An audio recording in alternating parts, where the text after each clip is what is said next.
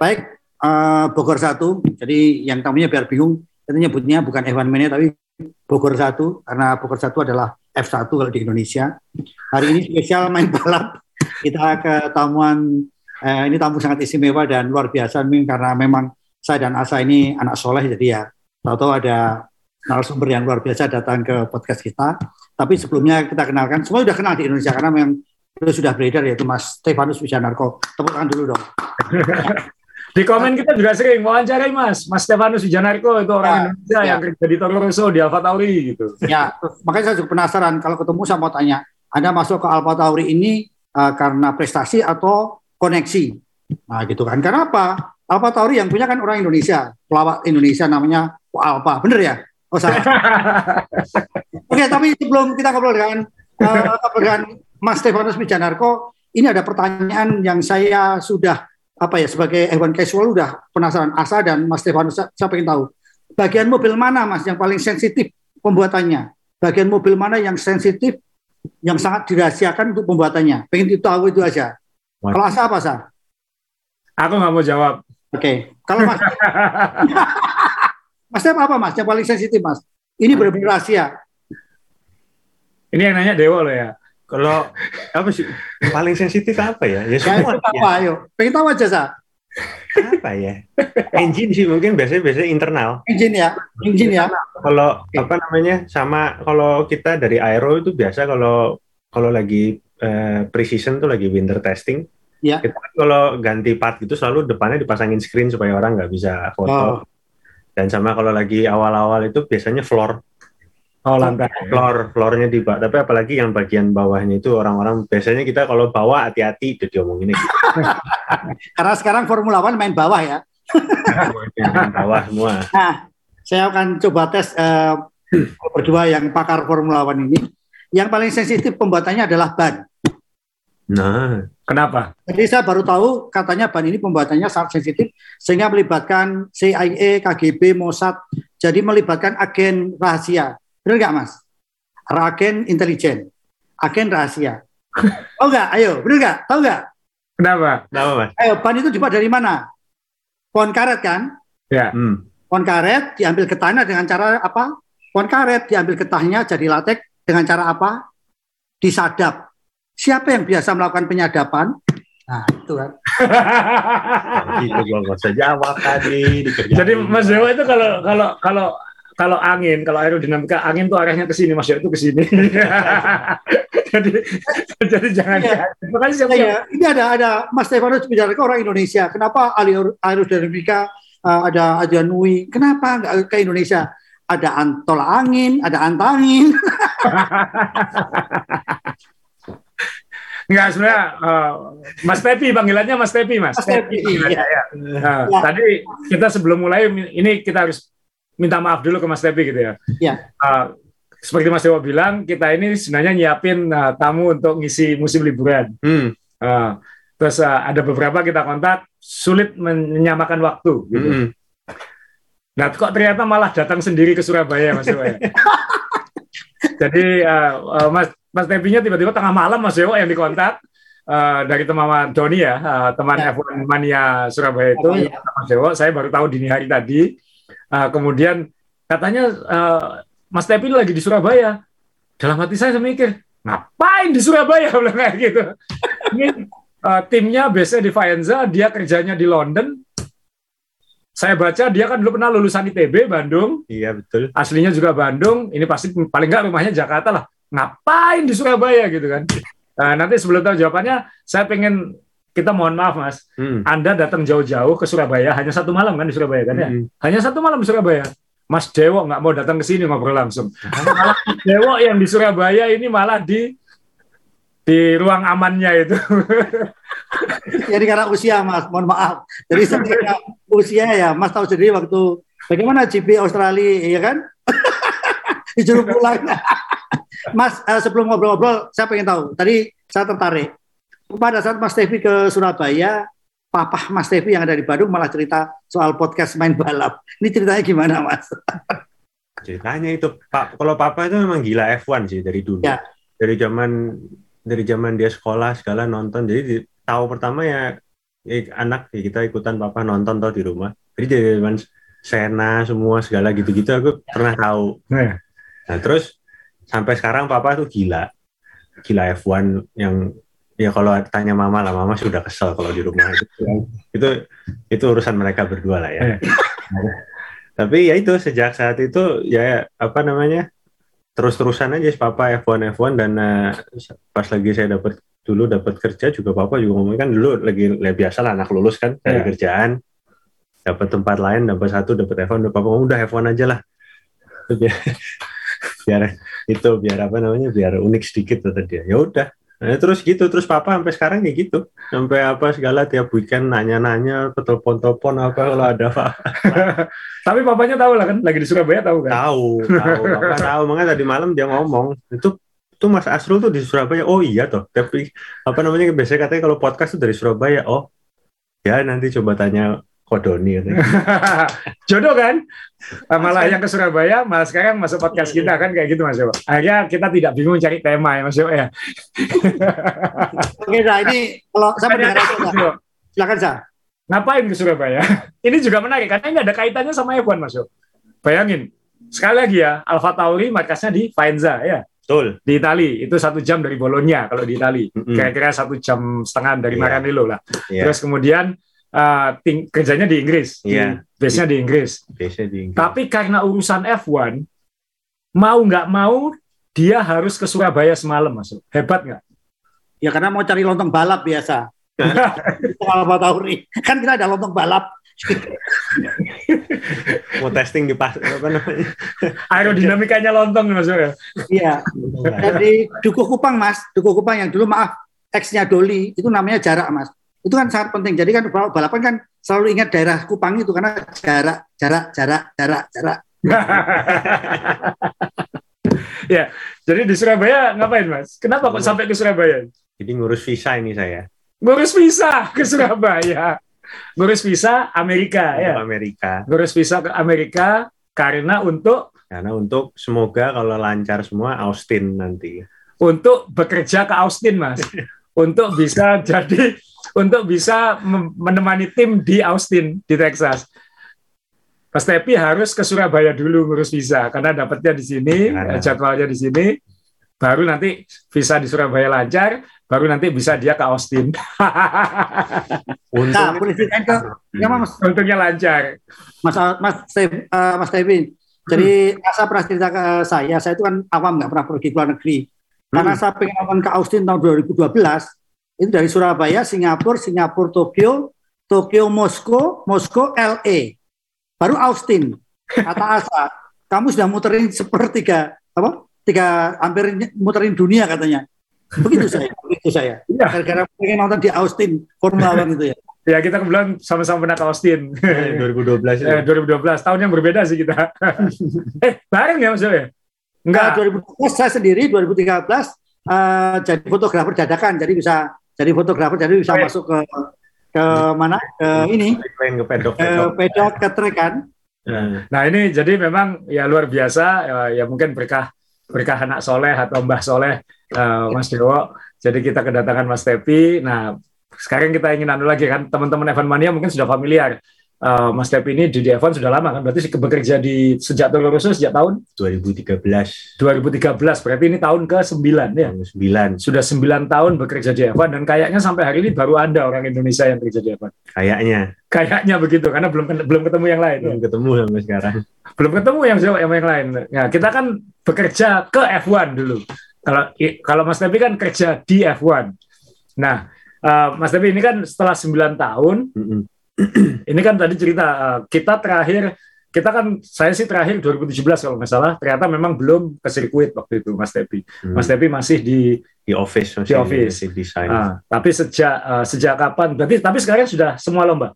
Datang. Kita nggak semua tapi kita di share. Karena kalau kalau kita mesti jalan satu tahun full itu lumayan. Ya bisa nggak punya kehidupan. Bisa ya? nggak ya nggak punya kehidupan aja. Jadi kita kita di kantor nge-share berdua kita bagi dua sama bagi dua orang. Bagi dua orang? Bagi dua orang kita setengah setengah lah. Ah. setengah musim setengah musim. Berarti pertanyaan kan sekarang gini mas Joko sekarang kerjaan pastinya apa di tim? Apa? Jalan-jalan. Jalan-jalan. Apakah jadi babysitternya Sunoda atau apa kayak gitu? Ya, itu tergantung itu mana yang ngerengek lebih banyak.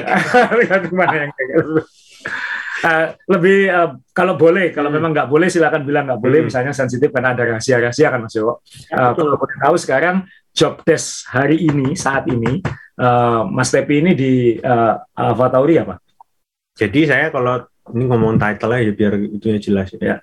Job description-nya. Title saya tuh aero performance. Aero performance engineer. Aero performance, performance engineer. engineer. Jadi orang yang pergi ke track itu biasanya di departemen aero performance. Di oh. semua tim di semua tim F1 itu yang pergi ke track itu biasanya within performance group. Okay. Nah, performance itu ada aero performance, ada vehicle performance. Yeah. Nah, vehicle performance yang ya itulah everything else apart from aero. Yeah. Yang mechanical mechanical, yeah. engine semua dan sebagainya. Tire semua tuh di vehicle performance.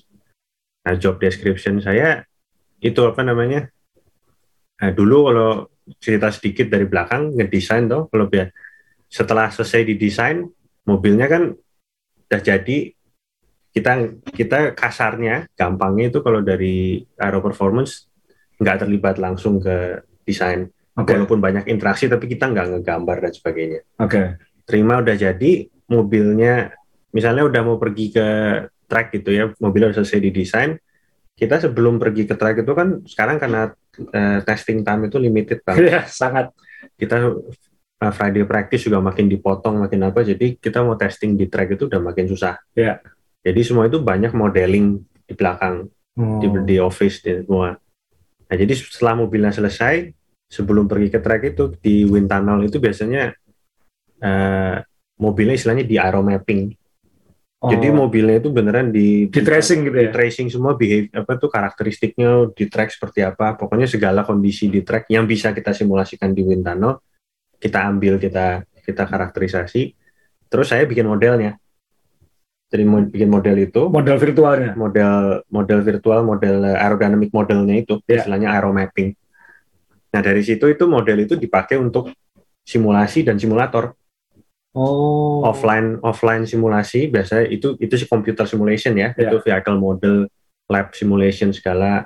Jadi cari yang optimum setupnya seperti apa. Jadi ketika ada test driver ngomong saya di simulator, itu itu ada yang bikin bikin model modelnya model, aero model. Oh. Karena ada tire model, ada suspension model, itu semua dari departemen-departemen masing-masing. Jadi pembalap simulator memang kebanyakan model Iya.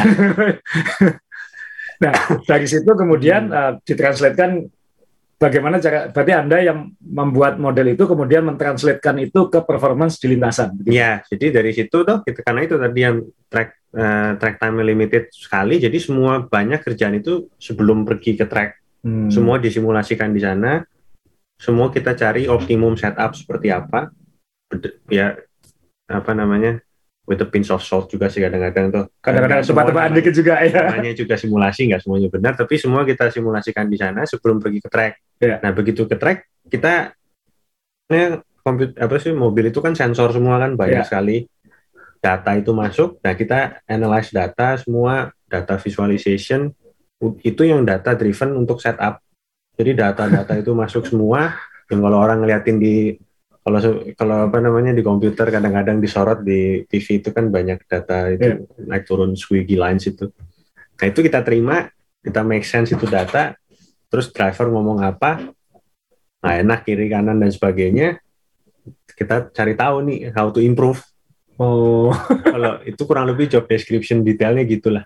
Jadi anda uh, setiap habis uh, practice session harus ikut briefing sama ikut briefing, kemudian misalnya Gasly atau Sunoda bilang mobil ini begini begini begini, Anda harus bisa menerjemahkan itu dalam konteks aero performance. Ya, apakah itu related sama aero, apakah itu tire, apakah itu suspension. Oh. Jadi kita dari sisi engineering apa namanya kita memilah-milah lah hmm. ya filter informasi yang kita terima dari driver kan.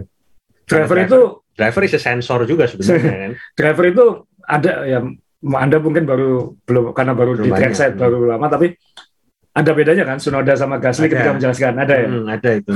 Terus saya udah saya udah ngalamin ya Dani Dani Yuki, Daniel Kiat ya maksudnya? Daniel Kiviat ya. Alex Alex Albon. Ya. Sama ya ini Gasly Yuki. Ya.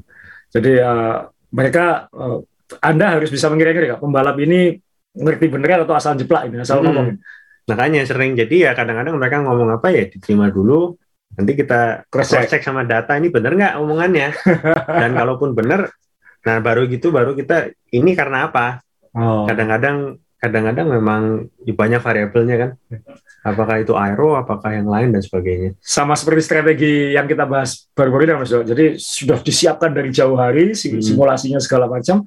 Begitu sampai sirkuit ya moga-moga ini sesuai hmm. dengan perkiraan dan lain-lain seberapa besar melesetnya atau akurasinya yang dikira-kira ini tadi dengan ketika misalnya ketika free practice pertama. Nah itu is a big problem itu buat everyone in on the buat semua orang. Semua tim. Karena itu namanya correlation problem dan itu semua tim itu kalau apa ya mereka invest banyak untuk di bagian korelasi itu untuk supaya antara simulasi sama track itu nggak mismatch itu is a big big project buat semua dan makanya karena apa namanya winter testing itu begitu pentingnya dari sisi kita apalagi yeah. dengan mobil yang begitu baru kayak tahun ini yeah. regulasi berubah total. Karena apa pun yang kita jalankan di simulasi itu sih udah pasti beda. Udah pasti beda. Udah pasti beda cuma bedanya apa sekarang? Kadang-kadang cari bedanya aja juga itu karena datanya begitu multidimensional atau jadi ya. nggak apa namanya nggak straightforward dan nggak langsung kita gampang cari tahu. Dan dalam waktu yang pendek itu dan kita juga dalam winter testing cuma dua tiga hari tahun ini kita lumayan dapat enam hari toh. Yeah. itu ya kita mesti cari tahu semua tuh air mesti dikarakterisasi dari air mesti dikarakterisasi dari apa semua. Makanya apa namanya kalau mobilnya nggak keluar hilang apa segala track time-nya loss itu itu dari sisi informasinya itu yang sangat mahal. Karena itu udah pasti beda nanti dari track data itu kita modeling lagi kita bikin modelnya yang di model di offline itu kita improve gitu jadi kita ada ada itulah ada silang-silangan silang-silangan tuh kan gitu. cuman untuk dua mobil turun di lintasan mas Yo iya cuman dua mobil turun di lintasan sampai kayak begitu itu kan Bayangkan kalau resource-nya yang dipakai untuk F1 itu untuk bangun negara ya. Gila-gilaan. Nah ini Mas Dewa saya ingin narik mundur dulu Mas Dewa. Tadi kita sudah dapat penjelasan kerjaan ya. dia sekarang apa dan ini dapat insight bagus juga kita karena ternyata uh, modeling dengan realita di lintasan itu ya, uh, ya rumit butuh sangat sangat engineer. Gitu. Nah, oh. Mas Tepi ini lulusan teknik mesin sebenarnya dari ITB. Mm-hmm. Ada teman saya, saya bilang ini ada orang uh, engineer F1 mau ke kantorku bilang itu lulusan ITB karena dia lulusan ITS. Mm. Aku bilang bukan lulusan ITS. Terus dia bilang enggak enggak itu karena enggak diterima di ITS terus dia ke ITB karena enggak tapi ini ini guyonannya ITS ITB ya enggak mau ikut-ikut. Ya, saya itu. nah, kan teknik mesin mm-hmm. kemudian aero performance engineer. Ini kan Gak nyambung ya. Barang yang kelihatan dengan barang yang nggak kelihatan. Ya, ya, betul. Ya. Itu kan ya ya Anda dapat beasiswa ke Belanda ya. Hmm. Tapi kan juga nggak untuk aero aero performance bukan, mobil kan. Bukan bukan. Jadi dulu kuliahnya untuk energi terbarukan sebenarnya ya. Betul. Untuk apa namanya? Wind turbine. Wind turbine untuk kincir angin sebenarnya. Ya. Angin. Nah, Jadi ya. Kan ini barang besar berputar, hmm. barang runcing melejit di lintasan, anda dulu salah jalannya di mana? Salah jalannya dulu ada krisis moneter tahun 2008. krisis moneter. Apa, Mas? Resesi, resesi. Lehman Brothers itu kan. Iya. Dulu ada. kan 2008 terus wake-nya itu kan panjang loh. Iya. Ya. 2011 lulus kuliah kan uh, udah lulus di Eropa. Itu S2 ya? S2. S2.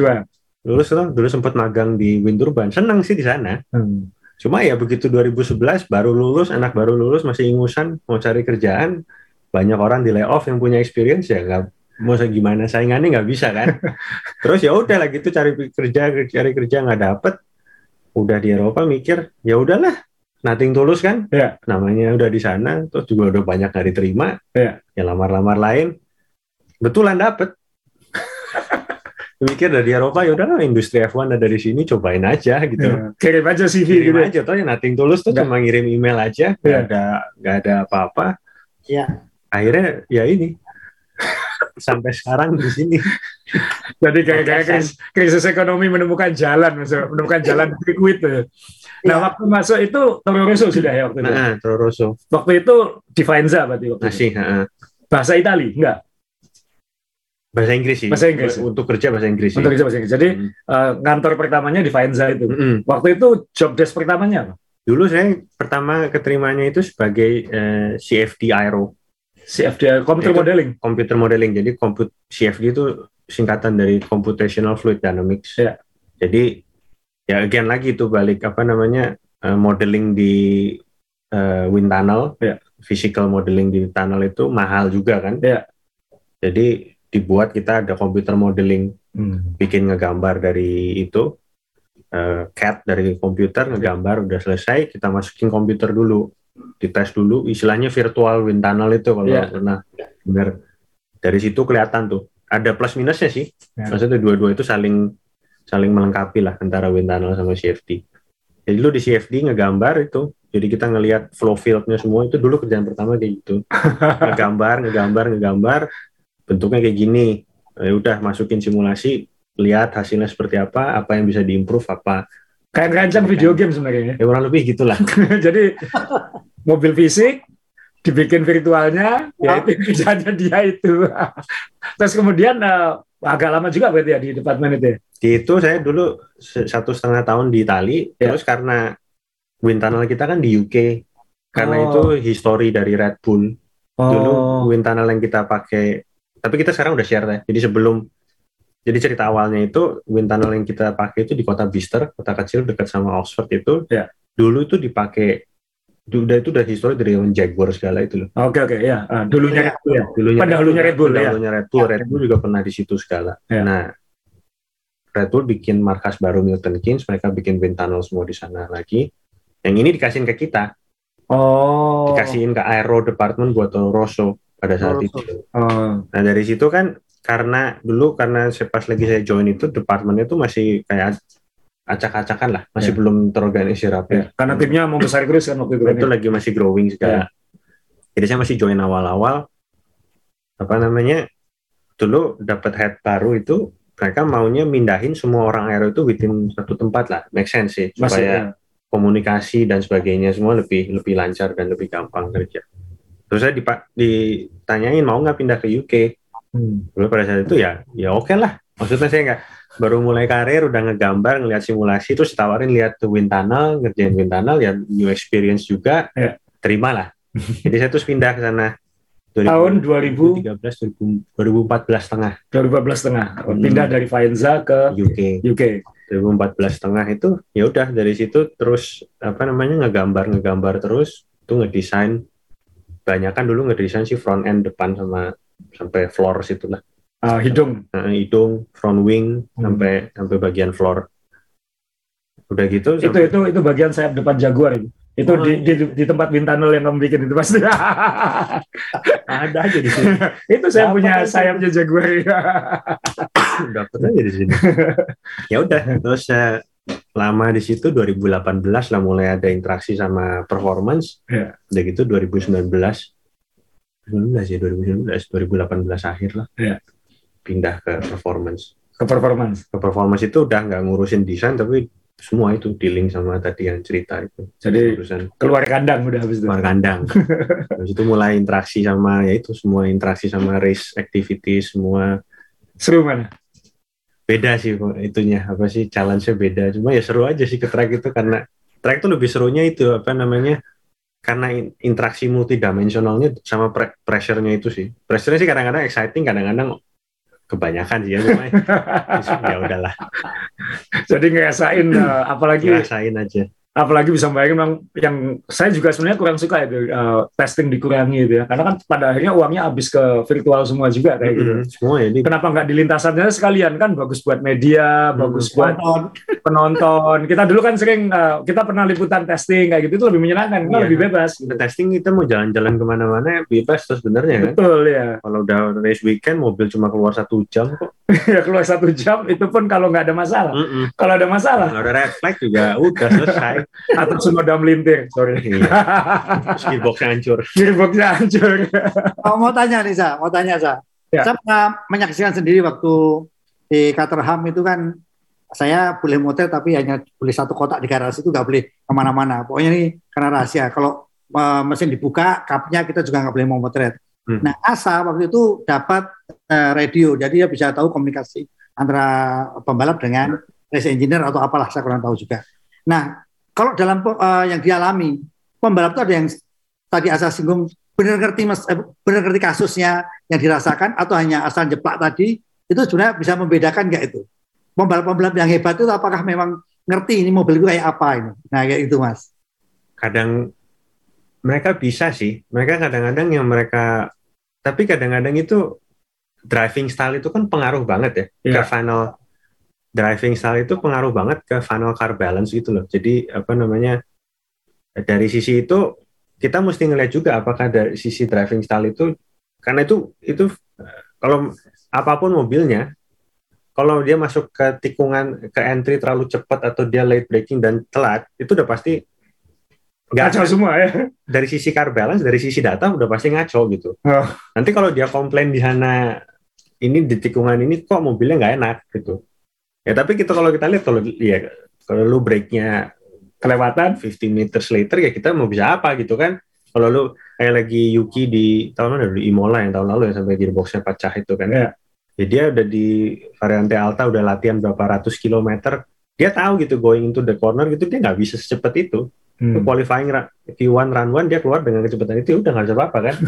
Jadi ada dari sisi itu apa ya uh, apakah driver ngomong itu benar karena mereka juga mereka juga banyak dealing dengan informasi banyak itu kan. Jadi kita di track itu memang ada kecenderungan karena begitu banyaknya informasi yang driver juga terima, kita juga terima, kadang kita juga eh.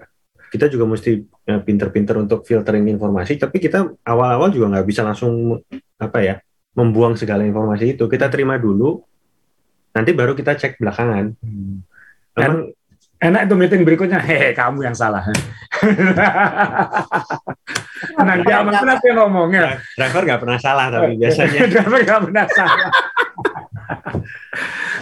Tapi ini setelah 9 tahun masih enjoy atau makin enjoy atau mulai capek atau mulai ya masih enjoy sih. Masih enjoy. karena apa ya karena ya tadi itu karena kalau masuk ke track itu kan kita sebagai engineer belajar juga sebelajar biasanya cuma bagian-bagian kecil. Dulu ngedesain juga sebagian kecil aja maksudnya saya juga ngedesain nggak pernah the whole car ya. ya.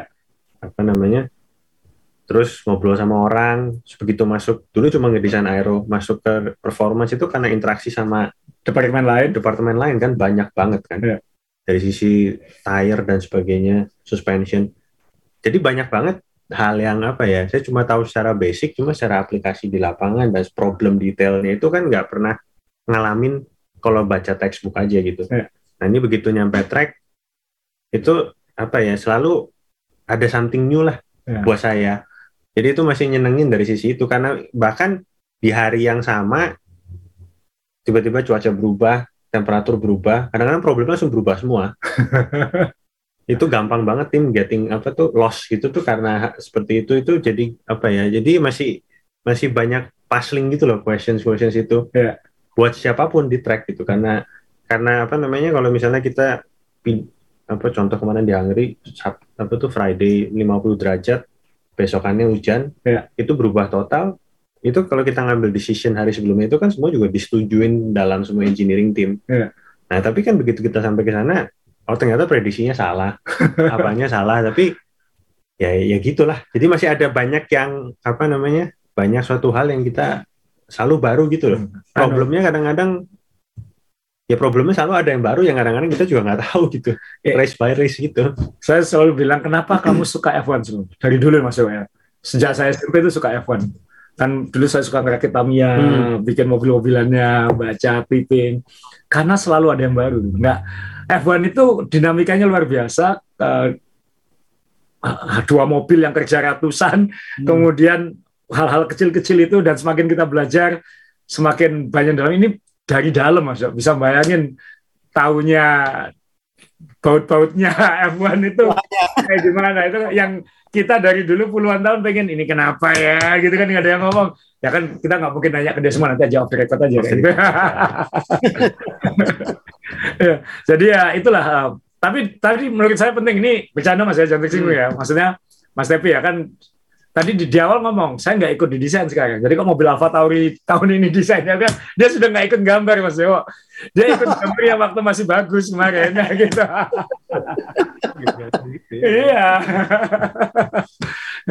nah tantangan tahun ini memang gede banget ya. Sama gede tahun banget. lalu ekstrim banget. Gitu. Ekstrim kita.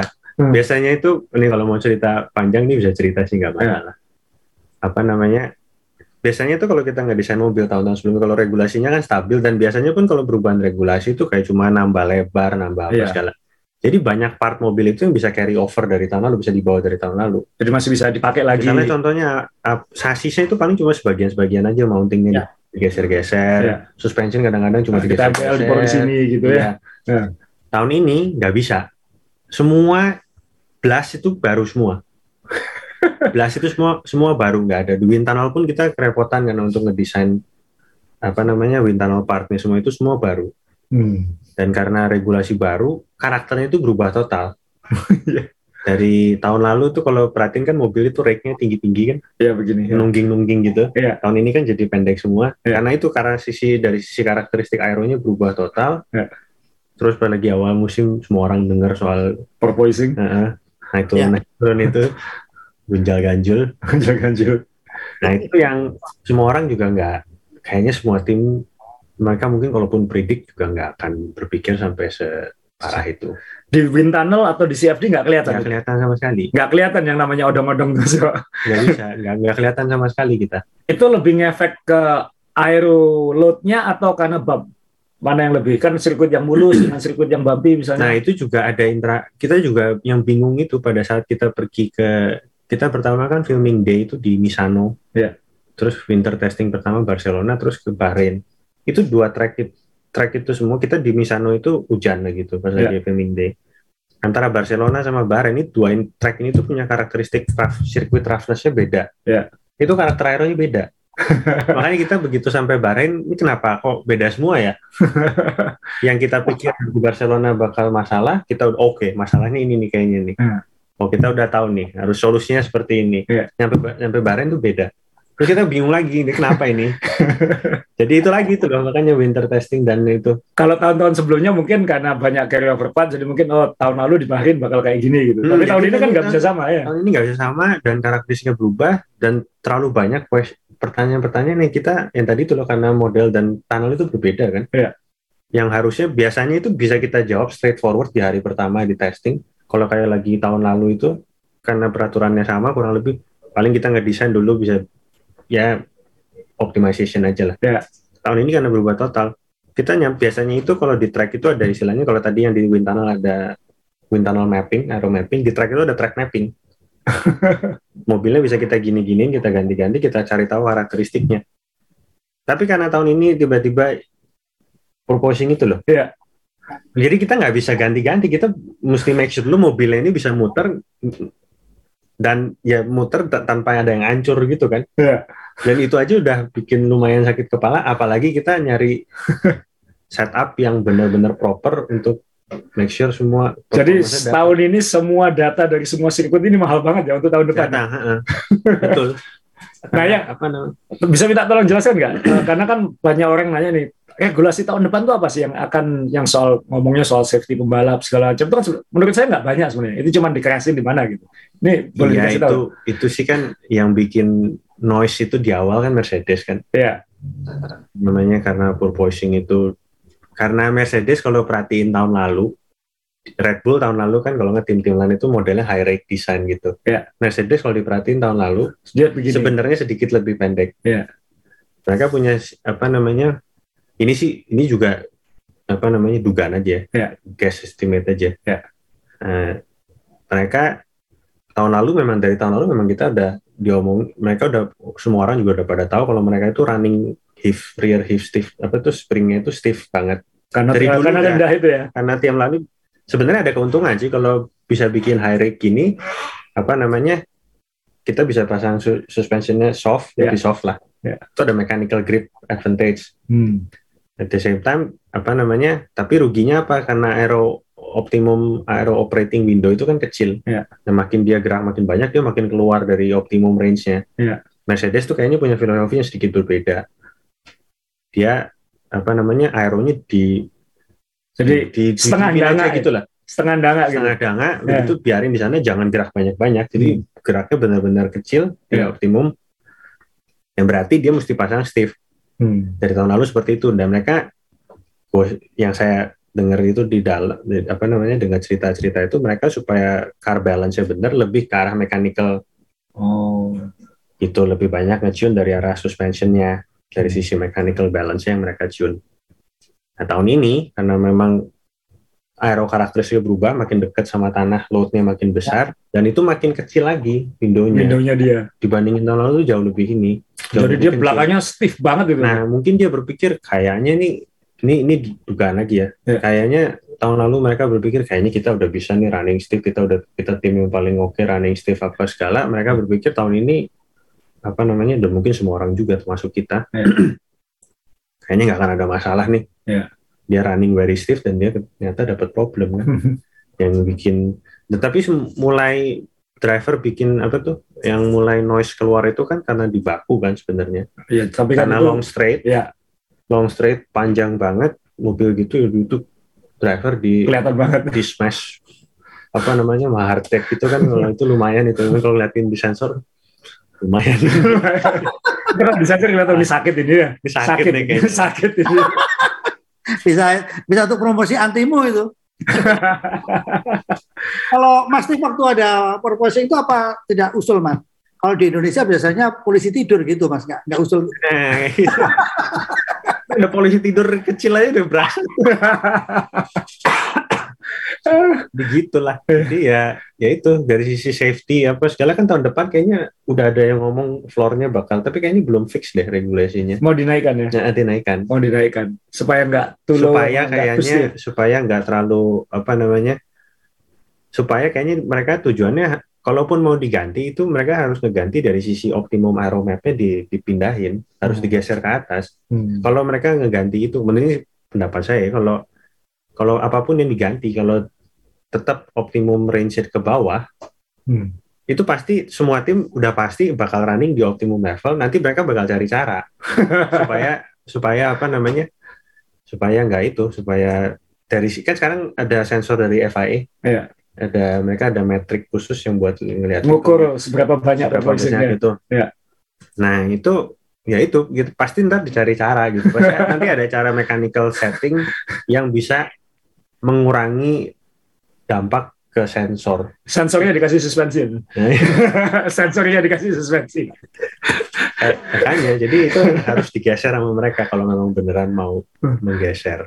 Tapi ini belum ada memang regulasinya belum ditetapkan memang ya. Belum masih ini belum. masih dianalisis kan ya? Kayaknya masih masih dijalanin deh. Tapi katanya sekarang sudah kayaknya balapan terakhir kemarin harusnya jadi penentunya kayaknya. Iya, mereka udah mulai itu sih udah mulai di udah di media semua juga kan udah dijadiin salah satu beneran tolak ukur hmm. jadi parameter yang mereka monitor selama selama itu berarti nanti di Belgia di akhir Agustus ini berarti nanti mobil harus bagaimana itu untuk memenuhi tuntutannya FIA itu sebenarnya juga kita dengan kita kan sebelum sebelum apa namanya sebelum FIA mendeklar bahwa itu jadi uh, sensor yang uh, official ya kita udah install itu kita udah pelajarin sebelumnya juga hmm. dan sebenarnya kita pasti semua tim udah ngelakuin hal itu sih hmm. dan begitu mereka pergi ke lapangan begitu itu dijadikan official nggak pernah jadi masalah hmm. karena pak udah udah tahu ya udah tahu gitu makanya itu apa disuruh lebih stiff aja nggak ada caranya gitulah jadi nggak boleh ngomong Tapi ada akal-akalannya ya Mas ya, Mas Dewi ya.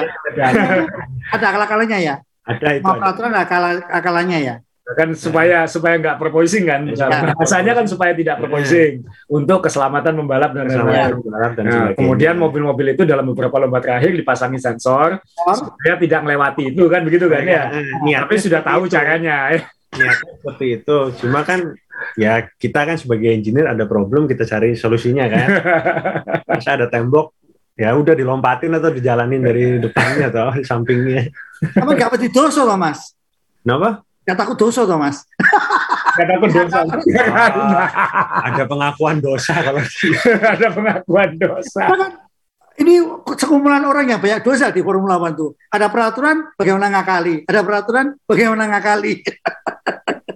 Makanya kucing-kucingan aja kita bersama. Kucing-kucingan. Uh, sorry, ada pertanyaan tadi yang uh, belum dijawab tadi. Hmm. Aku baru tahu sih kalau ternyata aku pikir karena semua di bawah Red Bull, Red Bull Technology, hmm. sehingga aero timnya Alpha Tauri dan Red Bull itu di satu tempat. Ternyata enggak ya? Enggak, enggak. Oh. Kita nggak boleh nge-share aero information kan? Nggak boleh kan ya? Nggak boleh. nggak boleh. oh, saya pikir dulu satu wind tunnel, cuman beda. Nah, sekarang kita, kita ya, tadi saya cerita yang di Bister itu pas saya pindah, ya. itu saya dulu masih nge-testing di sana sampai mobil ya sampai mobil yang tahun ini sih terakhir. Ya. Kita baru pindah dua tahun terakhir. Ya. Sekarang kita juga pindah ke karena kita kan jumlah testingnya sekarang di, makin berkurang. Ya. Jadi percuma juga tim mau pakai tunnel juga pasti kosong gitu hmm. setengah minggu. Jadi kita share sama Red Bull oh. tiga hari tiga hari. Oh di di yang di Milton, Milton Keynes, ya. ya. tapi yang yang di Bister tadi masih dipakai? Enggak udah. Jadi jadi museum itu. Jadi museum bentar. Uh, udah mati aja sekarang. Oh ya ampun. Beneran beneran diem. Beneran diem jadi sekarang sharing di memang sharing, sharing di sharing di, di Milton Keynes. Tapi itu karena tuntutan efisiensi kan? Karena tuntutan efisiensi dan tuntutan ya udah memang testingnya dibatasi jumlah jamnya jumlah part yang boleh di testing pun terbatas. Ya, ngapain punya dua wind tunnel? punya dua wind tunnel dan ya. memang kalau yang di tempat kita itu dulu kan cuma 50% skalanya. skalanya. Ah. Yang di Milton Keynes kan 60%. Hmm, lebih efisien. Jadi lebih dari sebenarnya sih lebih, lebih efektif, ya? lebih efektif dari sisi tire karena semua tim di F1 itu wind tunnelnya 60% kecuali kita dulu. Oh. Nah, mekaranya tuh dari sisi bannya kan kita terima model ban itu dari Pirelli. Iya. Nah Pirelli kan cuma ya kalau cuma ada satu tim yang bikin 50% ngapain gue bikin pusing bikin bikin tanya modeling yang benar untuk satu tim toh. Hmm. Jadi semua orang dibikinin yang benar kita dapat yang di scale down aja. Oh. Jadi benefitnya karena karena di aero problem itu sebenarnya karena kita open wheel racing kan. Yeah. itu tire itu paling salah satu yang dari sisi kita aero terlepas dari memang performance di track tapi yeah. dari sisi aero itu memang tire modeling itu di wind tunnel paling penting. Itu pengacau angin nomor pengacau satu. Pengacau angin nomor satu. Dan itu modeling yang ngacau itu apa pun yang kerjain ngacau. Ya. Jadi ban uh, model ban itu bentuk ban itu sangat-sangat penting. Selama ini karena wind tunnelnya 50%, tim-tim lain 60%, dia beda sendiri. Nah, sekarang ya, ngira-ngira sendiri. Karena sharing tempat sama Red Bull sama-sama ikut 60%, jadi lebih lebih, lebih efisien. Jadwalnya lebih bagus ya. Lebih uh, pertanyaannya sa, yang pakai dulu jadwalnya Red Bull atau Toro Rosso? Kalau Red Bull kan nanti udahlah datanya nggak usah dihapus toh. Ini nanya atau komen? Nggak tahu saya. ya, udah udah hapus kemarin udah del. Oh, del mana? Delete mana itu? Pindah hard drive. Tes. lupa ketinggalan. lupa ketinggalan. Tuh, lupa ketinggalan. ya. Nah, boleh tanya nih Mas, sebenarnya kenapa Red Bull ada Toro Rosso sebenarnya apakah Toro Rosso juga diberi keleluasaan untuk menang melawan Red Bull gitu? Kan ini Alfa kan, Tauri maksudnya ya. Eh Alfa Tauri ya maaf Alfa Tauri gitu kan. Ini benar-benar harus nurut atau boleh dikasih kebebasan? Iya gitu kan. Karena kalau kita lihat kan uh, satu perusahaan punya dua untuk apa gitu kan. Sebenarnya kalau dikasih kebebasan mau menang apa segala, kita dari sisi desain itu yang beneran informasi kita terima kalau dari sisi aero tuh nggak tahu loh kita beneran nggak tahu jadi beneran apa namanya yang kita dengar itu cuma hearsay aja cuma gosip-gosip aja cuma kayak hmm. beneran data itu kita nggak tahu hmm. beneran nggak tahu kita hmm. karena apa yang sharing informasi kan memang karena ada yang sinergi project ini loh memang boleh kan kayak hmm. kita boleh beli part kayak gearbox kita boleh beli yeah. corner yeah. kita boleh beli dan sebagainya itu kita tahu datanya hmm. tapi kayak kalau kalau kita beli gearbox berarti kita tahu mechanical karakteristiknya yeah. itu sih jelas itu sih yeah. kita tahu tapi kalau dari sisi aero segala itu kita nggak tahu hmm. jadi sana ngapain sini ngapain kita boleh berkreasi sendiri untuk menang dan sebagainya ya boleh hmm. tapi itu kan desain mobil itu kayak nentuin wheelbase nentuin dan sebagainya ya wheelbase tergantung gearbox mereka tergantung weight dari mereka estimation yeah. dari mereka itu ya udah nanti kita ngatur sendiri jadi kita Red Bull nggak ber itu sama sekali. Benar-benar dua perusahaan yang berbeda. Perusahaan yang berbeda. Hmm. Berarti kontra Anda bukan Red Bull Technology bukan? Ya? Bukan. Sama under under, under Alpha Tauri. Iya, under Alpha Tauri. Dan memang kayak kita simulator juga sharing. Iya. Tapi mau gampang itu bukan ya mungkin kalau apa kayak model modeling yang tadi itu itu kan cuma one file doang. File hmm. kecil aja gitu di laptop. Hmm. itu kan apa namanya itu juga kita nggak tahu gitu karakteristik mobilnya mereka seperti apa. Terlepas yang dari kita ngomong aja itu nggak tahu gitu detailnya. Nggak tahu mungkin. Nggak tahu. Nah, ini ya tadi cerita Mas Tepi ini dulu pertama kali ikut operation di sirkuit Mas Yo 2020 pas COVID mulai Mas Yo. Jadi sempat di Australia waktu balapannya dibatalkan. Itu pengalaman pertama ke sirkuit. Pengalaman pertama udah siap-siap. Pagi-pagi dipagi loh. Pulang. Pulang yuk. Jadi sama dengan ini ada satu yang kerja di uh, Evan Mania Surabaya cewek yang kerja di FIFA Mbak siapa itu kan juga sampai di Melbourne balik lagi saya ternyata dibatalkan itu kan kasihan gitu sampai Melbourne datang ke sirkuit juga ya bisa ke sirkuit 2020 kan. Hmm. Tapi sekarang di Evan kan sudah lebih luas juga kan? Iya, udah, sudah. udah, udah COVID sih udah kita enggak itu. udah enggak anu. Cuma Mas Dewa doang itu loh nggak mau gabung kita. udah nggak gimana gimana sih. Jadi nanti kalau kita ke sirkuit Mas Dewo, saya ya. sama Mas Tepi jalan-jalan di pedok, Mas Dewo pakai baju astronot Mas jalan saya cuman Mas Tepi nanti saya mau cuman minta emailnya. Kebetulan hmm. waktu 2017 dengan Asa di Sepang saya berangkat duluan kan saya kan tahu persis bagaimana yang di garasi tulisannya kifat tapi yang di lantai itu sudah dihapus itu makanya saya tunggu ada kenapa dihapus ternyata ada nama Gasly itu di situ baru itu. Waktu Mas Dewa waktu itu berangkat, ya, ya. berangkat besoknya. Nah, ya. beritanya keluar, Mas Dewa kan nggak tahu dia di, di sirkuit kadang-kadang di sirkuit itu kan belum tahu kan. Kita baru tahu setelah buka laptop atau buka handphone kan kayak gitu. Iya. Nah, nah itu kan saya hapus kata Mas. Bahwa saya kata itu barusan ganti pembalap Mas Dewa. nah itu uh, kita yang dapat foto ya satu-satunya. Orang juga bilang kamu yang kamu wartawan yang dapat foto satu-satunya karena memang saya nunggu dua jam. Setelah dicat basah itu saya tungguin di situ nggak ke mana-mana. Ini akan diganti nama siapa gitu. Ternyata ada informasi Gasly itu. Jadi nanti saya mau titip Mas Tevi tolong uh, fotonya tolong tanda tangani dong Gasly. Ah, ayo, Mas, uh, kita tanya setelah balapan biasanya sibuk banget. Anda termasuk yang ikut bersih-bersih angkat-angkat nggak? Oh, semua tim toh? Semua itu ya? Jadi gini, oh, iya kita nah ini, ini ini baru nih kerjaan di Evan ini. Anda aero engineer lihat komputer tetap harus bersih bersih mas bersih bersih gitu. Jadi kecuali kalau balapan yang di Eropa. Kalau kita balapan di Eropa karena kita ini kalau jadwal saya pergi ke balapan yang di Eropa itu berangkat Rabu ya. sampai ya. sore lah. Sore ya. itu malam tergantung pesawat. Itu pun seharian udah hilang lah. Ya. Ya. dan uh, pergi. Udah gitu kemis siap-siap. Ya. Jumat ya udah Jumat sih lupain aja itu. Ya. Sabtu Minggu Nah, minggu itu kan selesai balapan jam 5-an lah. Ya. Jam 6 kita briefing, itu setengah 7 kita langsung pulang. Hmm. Pulang lagi ke base kita. Base kita. Jadi biasanya baru nyampe rumah lagi jam 2-an, jam 1 jam 2-an lah. Kalau oh, dari sirkuit langsung, langsung langsung pulang. Langsung pulang. Nah, tapi kalau untuk balapan yang yang jauh-jauh, ya kayak contoh dulu Rusia atau nanti manalah Baku segala gitu-gitu. Ya.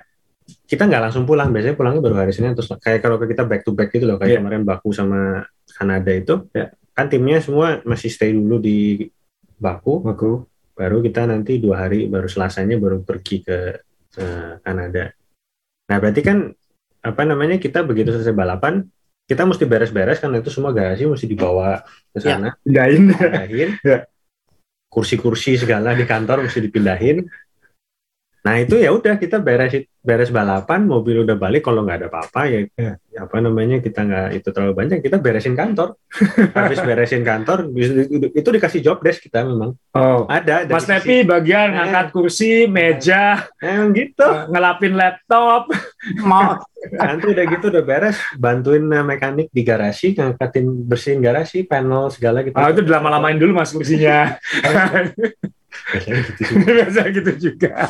Karena yang di mekanik itu kan yang pakai forklift, yang pakai forklift, ya. yang angkat-angkat gitu kan. Ya. Itu beres. Itu kan, itu kan itu kalau kita ke sirkuit, ya. kan nanti balapan selesai, jangan pulang dulu, kita gangguin Mas Tevi dulu supaya dia nggak ikut bersih-bersih gitu kan. ke Singapura tuh Singapura Jepang pasti pasti kita bersih bersih pasti bersih bersih pasti bersih bersih kita garasi lah kita suruh bersih bersih yang gampang gampang yang nggak yang aneh aneh yang maksudnya yang ngurusin panel panel yang gampang gampang gitu. yang gampang gampang kita kita dikasih engineer suruh gitu gitu oh engineer dikasih yang gampang gampang mas Dewo kalau suruh suruh benerin part mobil mereka juga nggak ngasih ke kita sih. Nggak ngasih. Pegang. Oke, pertanyaan terakhir, terakhir dari saya nih Mas Dewa, uh, ke Mas Devi.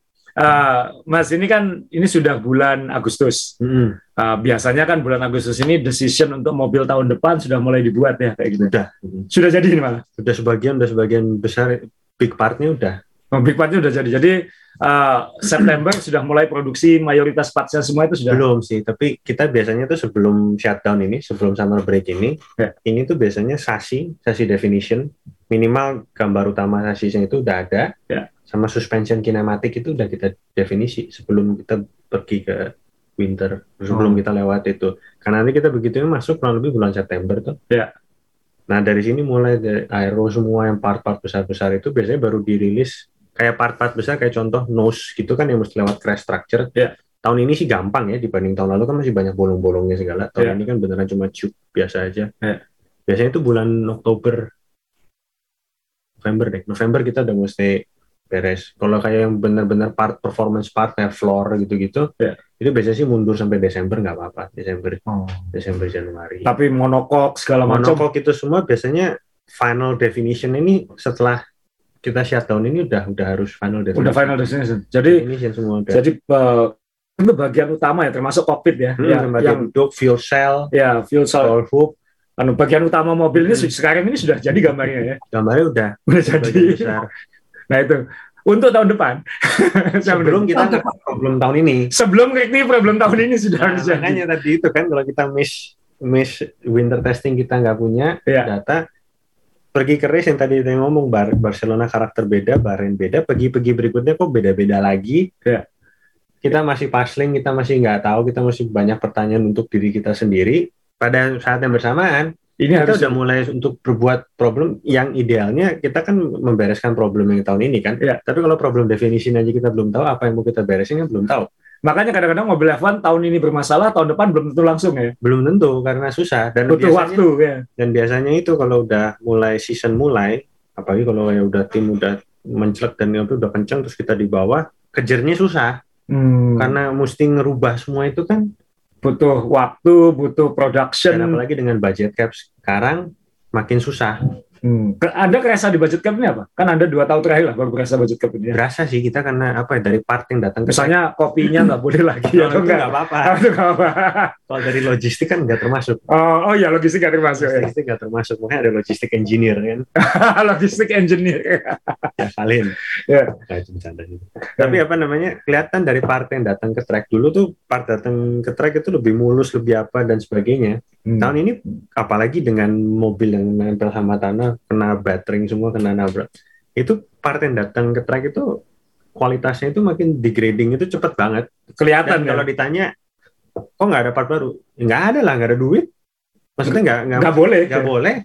Kita nggak bisa ini.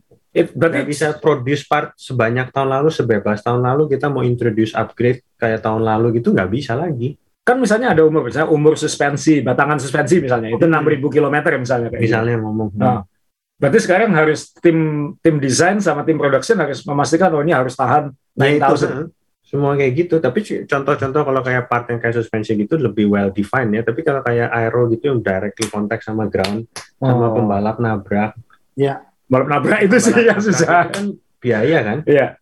Dulu sih nggak masalah Nah, masalahnya di F1 nggak ada asuransi kan maksudnya. Ada, Kalau ada asuransi kan nggak ikut budget cap kan, kan ada asuransinya gitu. Iya. Sama harga. sama harga. nggak ada. Wah iya, aku bisa bayangin sih jadi engineer sekarang ini harus lebih hati kita. Kalau punya pembalap yang berdagulan, wah pasti ini pusing. Pembalap barang atur apa segala, spare part nggak ada. Kita juga dari sisi engineer juga ya repot gitu. Hmm. Karena apa namanya kadang-kadang ganti part itu kan part yang sama kadang-kadang karakteristiknya berbeda. Itu yang kita juga apa namanya ya? Ya ya kita ya namanya part ada di manufacturing itulah. Hmm. Perfection segala berbeda-beda sedikit itu ada karakter beda yang kadang-kadang driver rasain. yang kita juga susah lihat datanya di lapangan. Jadi kalau part berubah-berubah, kualitas part degrading dan itu karakterisasi apalagi kalau part pergi ke race yang back to back itu partnya nggak sempat balik ke factory kan untuk ya, itu. tes kadang-kadang dalam race dan tiba-tiba ada berubah sedikit-sedikit yang kita nggak tahu tiba-tiba karakternya berubah juga itu juga jadi susah kan terus bertanya mau ganti part baru nggak ada hmm. kita nggak punya part lagi udah nah. dihancurin semua nabrak semua udah nabrak semua wah ya gitu Nah, ini ini kayaknya luar biasa gitu ya. Kita dapat cerita-cerita ya. apa ya lebih langsung dari engineeringnya ini hari ini. Nah, nah bertanya Sa. Ya. Ya, uh, sekarang oh, ini aku udah habis sih. pengawasan, pengawasan itu kan uh, sangat ketat sekali kayak tadi hmm. di wind tunnelnya juga ada sensor gitu. Uh, bagaimana uh, Formula One uh, via itu benar-benar ngawasin semua detail-detail bahwa ini dibatasin, dibatasin, dibatasin. Apa nggak bisa ada akal-akalan juga gitu? itu namanya financial engineering. itu di kalau kayak CFD itu juga kan kita apa namanya ini dari CFD dulu baru nanti ke track cerita. Ya. Mereka CFD juga kita dibatasin kan berapa simulasi yang boleh. Ya. Makanya sekarang sistem accountingnya itu accounting dari sisi CFD-nya juga begitu kita mesti reporting benar jadi males gitu bukan males ya banyak ada ah, banyak ada sisi ada sisi paperworknya itu loh iya, dari sisi engineer saya sih males ya karena kan ini sudah oke okay, aku hari ini ngapain aja berapa kali simulasi hmm, itu untungnya sih banyak yang udah otomatis ya maksudnya itu udah lumayan tapi masih tetap gitu loh ada, ada orang yang kayak manajemen di kantor itu yang keep up sama sama tunnel usage sama CFD usage itu mereka keep up gitu. Mereka harus tahu gitu karena kalau enggak nanti kan dan mereka harus ngalokit itu untuk mana part yang penting, mana yeah. development yang penting dan sebagainya. Gila. Di tunnel di tunnel juga tunnel nyala itu ke kecatat tuh berapa menit segala yeah. eventnya nyala itu semua data itu mesti di reporting. gitu. Kalau sampai track itu sekarang yang bermasalah bukan bermasalah ya yang jadi challenge semua tim tahun ini tahun lalu itu kan kalau mobil itu dicek legalitinya itu iya. apakah yeah. Wingnya ketinggian, kependekan dan yeah. sebagainya itu ada istilahnya FIA bridge itu loh kalau yeah. di, kalau di pedok alat alat scrutineering tuh ya. ya yang mobilnya dinaikin terus yeah. ditaruh di park itu ditaruh di itu terus diukur semua kan dipasangin wingnya segala. Yeah. Dulu kayak gitu. Tahun ini kan si alat itu udah nggak ada. Tapi mereka mau lebih detail. Mereka istilahnya mau 3D 3D legality check segala itu. Nah itu bikin tambah kerjaan lagi di track yang waktunya tambah singkat sekarang. Itu, itu pakai scanning 3D. Pakai scanning 3D. Uh. Jadi itu pakai probing, pakai probing karena mereka takut banyak yang ngakalin kan. Hmm. Ya. Dan banyak benernya memang banyak kalau, kita, kalau engineer gitu. Ini pelaku mas Jo. Ini kok kayaknya nggak bener. Jadi apa namanya partnya itu kan kita ngegambar sesuai kayak tahun mulai per tahun ini geometri yang kita kirim mobil ke track itu FAH mesti terima geometrinya. Jadi hmm. mereka tahu dari sisi geometri itu posisinya di mana. Oh. Mereka beneran terima filenya. Jadi jadi ketika di scrutinering ya, harus sesuai dengan itu. Nah, itu dengan uh, dengan 3D scanning itu 3D scanningnya dalam bentuk apa namanya istilahnya uh, probing itu loh, point probing itu nanti mereka cloud cloud probing gitu, nanti ya. dibikin kayak modelnya gitu dari probingnya itu. Nanti dilihat gitu, mana mau floornya yang miring, yang yang wingnya kepanjangan ke kiri, kalau kalau dulu cuma pakai pakai apa? Dulu pakai jig doang. Pakai jig doang. Ah kena Ah kena, kena ah boleh gitu. Kena kena udah grand dikit satu mili yeah. segala. Sekarang beneran kelihatan semua. Dan itu kan kita kalau itu dan apa namanya itu bikin apa ya bikin sakit kepala sih karena kita dulu kita pernah ada nanti itu cerita iya. apa namanya uh, manufacturing itu loh precision itu yeah kita pengen bikin apa namanya panjang floor selebar ini itu Tol. tuh kita di, dibikin sampai sepresisi itu dengan bentuk aero yang yang kompleks itu kan nggak gampang. Toleransinya harus toleransi, toleransi presisi. itu kita dikasih dua, plus minus 2 mili sih nah. sebenarnya. Ada itu peraturan di di peraturan. Cuma kan apa namanya? Ya itu kadang-kadang kelebihan terus kadang-kadang kita dan itu interaksi sama sasis segala kan. Iya. Sasinya miring, simnya segala miring apa semua itu kadang-kadang ya, miring semua jadi makanya satu floor itu kita tempelin ke satu sasi. Biasanya nggak kita apa ada ya supaya kalau udah kita cek di, di factory udah legal, udah kita nggak ganti-ganti. Oh. Nah tapi itu tetap aja itu kan apa namanya jadi suatu problem begitu FIA ngecek itu mereka juga ngecek semua. Jadi hmm. mereka dapat semua datanya dan mereka ngomong mobil lu nggak bener nih. mobil lu ilegal nih nggak bener nih geometrinya apa dari sisi ininya nggak bener benerin pada saat kita mau diapain juga? Di, eh. di track nggak nggak banyak yang bisa kita kerjain kan? Karena eh. kita nggak jadi ada sisi itunya. Itu jadi tambahan itu yang tahun lalu nggak ada sekarang jadi ada tapi tahun ini juga waktunya lebih pendek. Iya tuh. Ya, memang yang banyak makanya banyak komplain kan. Kasihan ketika lombanya lebih dari 20 itu kan. Karena kan hmm. kan kalau engineer atau mekaniknya tuh nggak gantian, wah mampus itu. Maksudnya. Iya dari sisi dia tiap lomba kena kan yang kita lihat kan cuma satu jam praktis, satu jam praktis, satu jam praktis, satu jam qualifying, dua jam lomba gitu. Hmm. Mereka kan bisa nggak pulang nggak pulang dan setelahnya beres balapan kalau balapannya oke sih lumayan lah iya. reportingnya nggak begitu bermasalah tapi kalau balapannya bermasalah reportingnya segala kan udah mulai scrutiny setiap, setiap departemen kita mesti cari tahu ini supaya improve performance-nya seperti apa. Di strap semua ya. Strap semua, cari tahu, cari problemnya seperti apa ya, ya itu panjang Tuh. Gitu. Apalagi tahun ini kita dibontot kan. Iya, oke. Okay. Aku nggak mau nyinggung karena eh, nggak uh, mau nyinggung soal Sunoda Gasly kok. Aku punya pertanyaan tapi nanti aja setelah setelah kamera. Jadi uh, ya kita uh, kita akhiri Mas ya karena kan luar biasa detail. Terima kasih banyak. Hmm. Uh, juga harus ke bandara habis ini. Ya. Uh, Mas Devi, uh, ini kan anda sejauh ini kayaknya masih satu-satunya ini dari Indonesia, kecuali ada yang kita nggak tahu ya kayak gitu. Nah ini menurut Anda susah nggak sih untuk masuk ke F1 itu? dulu sih sebenarnya tadi saya ceritakan saya ada satu faktor keberuntungannya juga. Yeah. Tapi kalau mau itu sebenarnya karena kalau anaknya kuliah di UK itu, yeah. itu sebenarnya atau di Eropa itu chance sebenarnya besar sih. Oh, itu yang paling gampang kuliahnya di Eropa ya? Yang paling banyak karena gampangnya kayak contoh kayak contoh gitu kalau Pertamina di sini ngambil lulusan pasti pasti nyari kampus yang dekat-dekat dari betul itu juga sama dengan berlaku di di F1 ya, bukan karena mereka sebenarnya kalau ngomong kita belajar engineering di UK mau di Amerika mau di MIT mau di ITB di ITS sama semua kan sebenarnya yeah. cuma karena proximity dan oh karena dekat aja, gitu aja dekat aja karena hmm. mereka tahu aja gitu loh tapi hmm. sebenarnya kalau sebenarnya kalau di Eropa gitu untuk chance masuk ke dalamnya itu apalagi kalau udah di sana kuliah engineering itu besar besar hmm. Mas Jawa mau kuliah engineering Enggak itu enggak ternyata mereka juga niru Indonesia ya sistem zonasi juga ya, zonasi zonasi.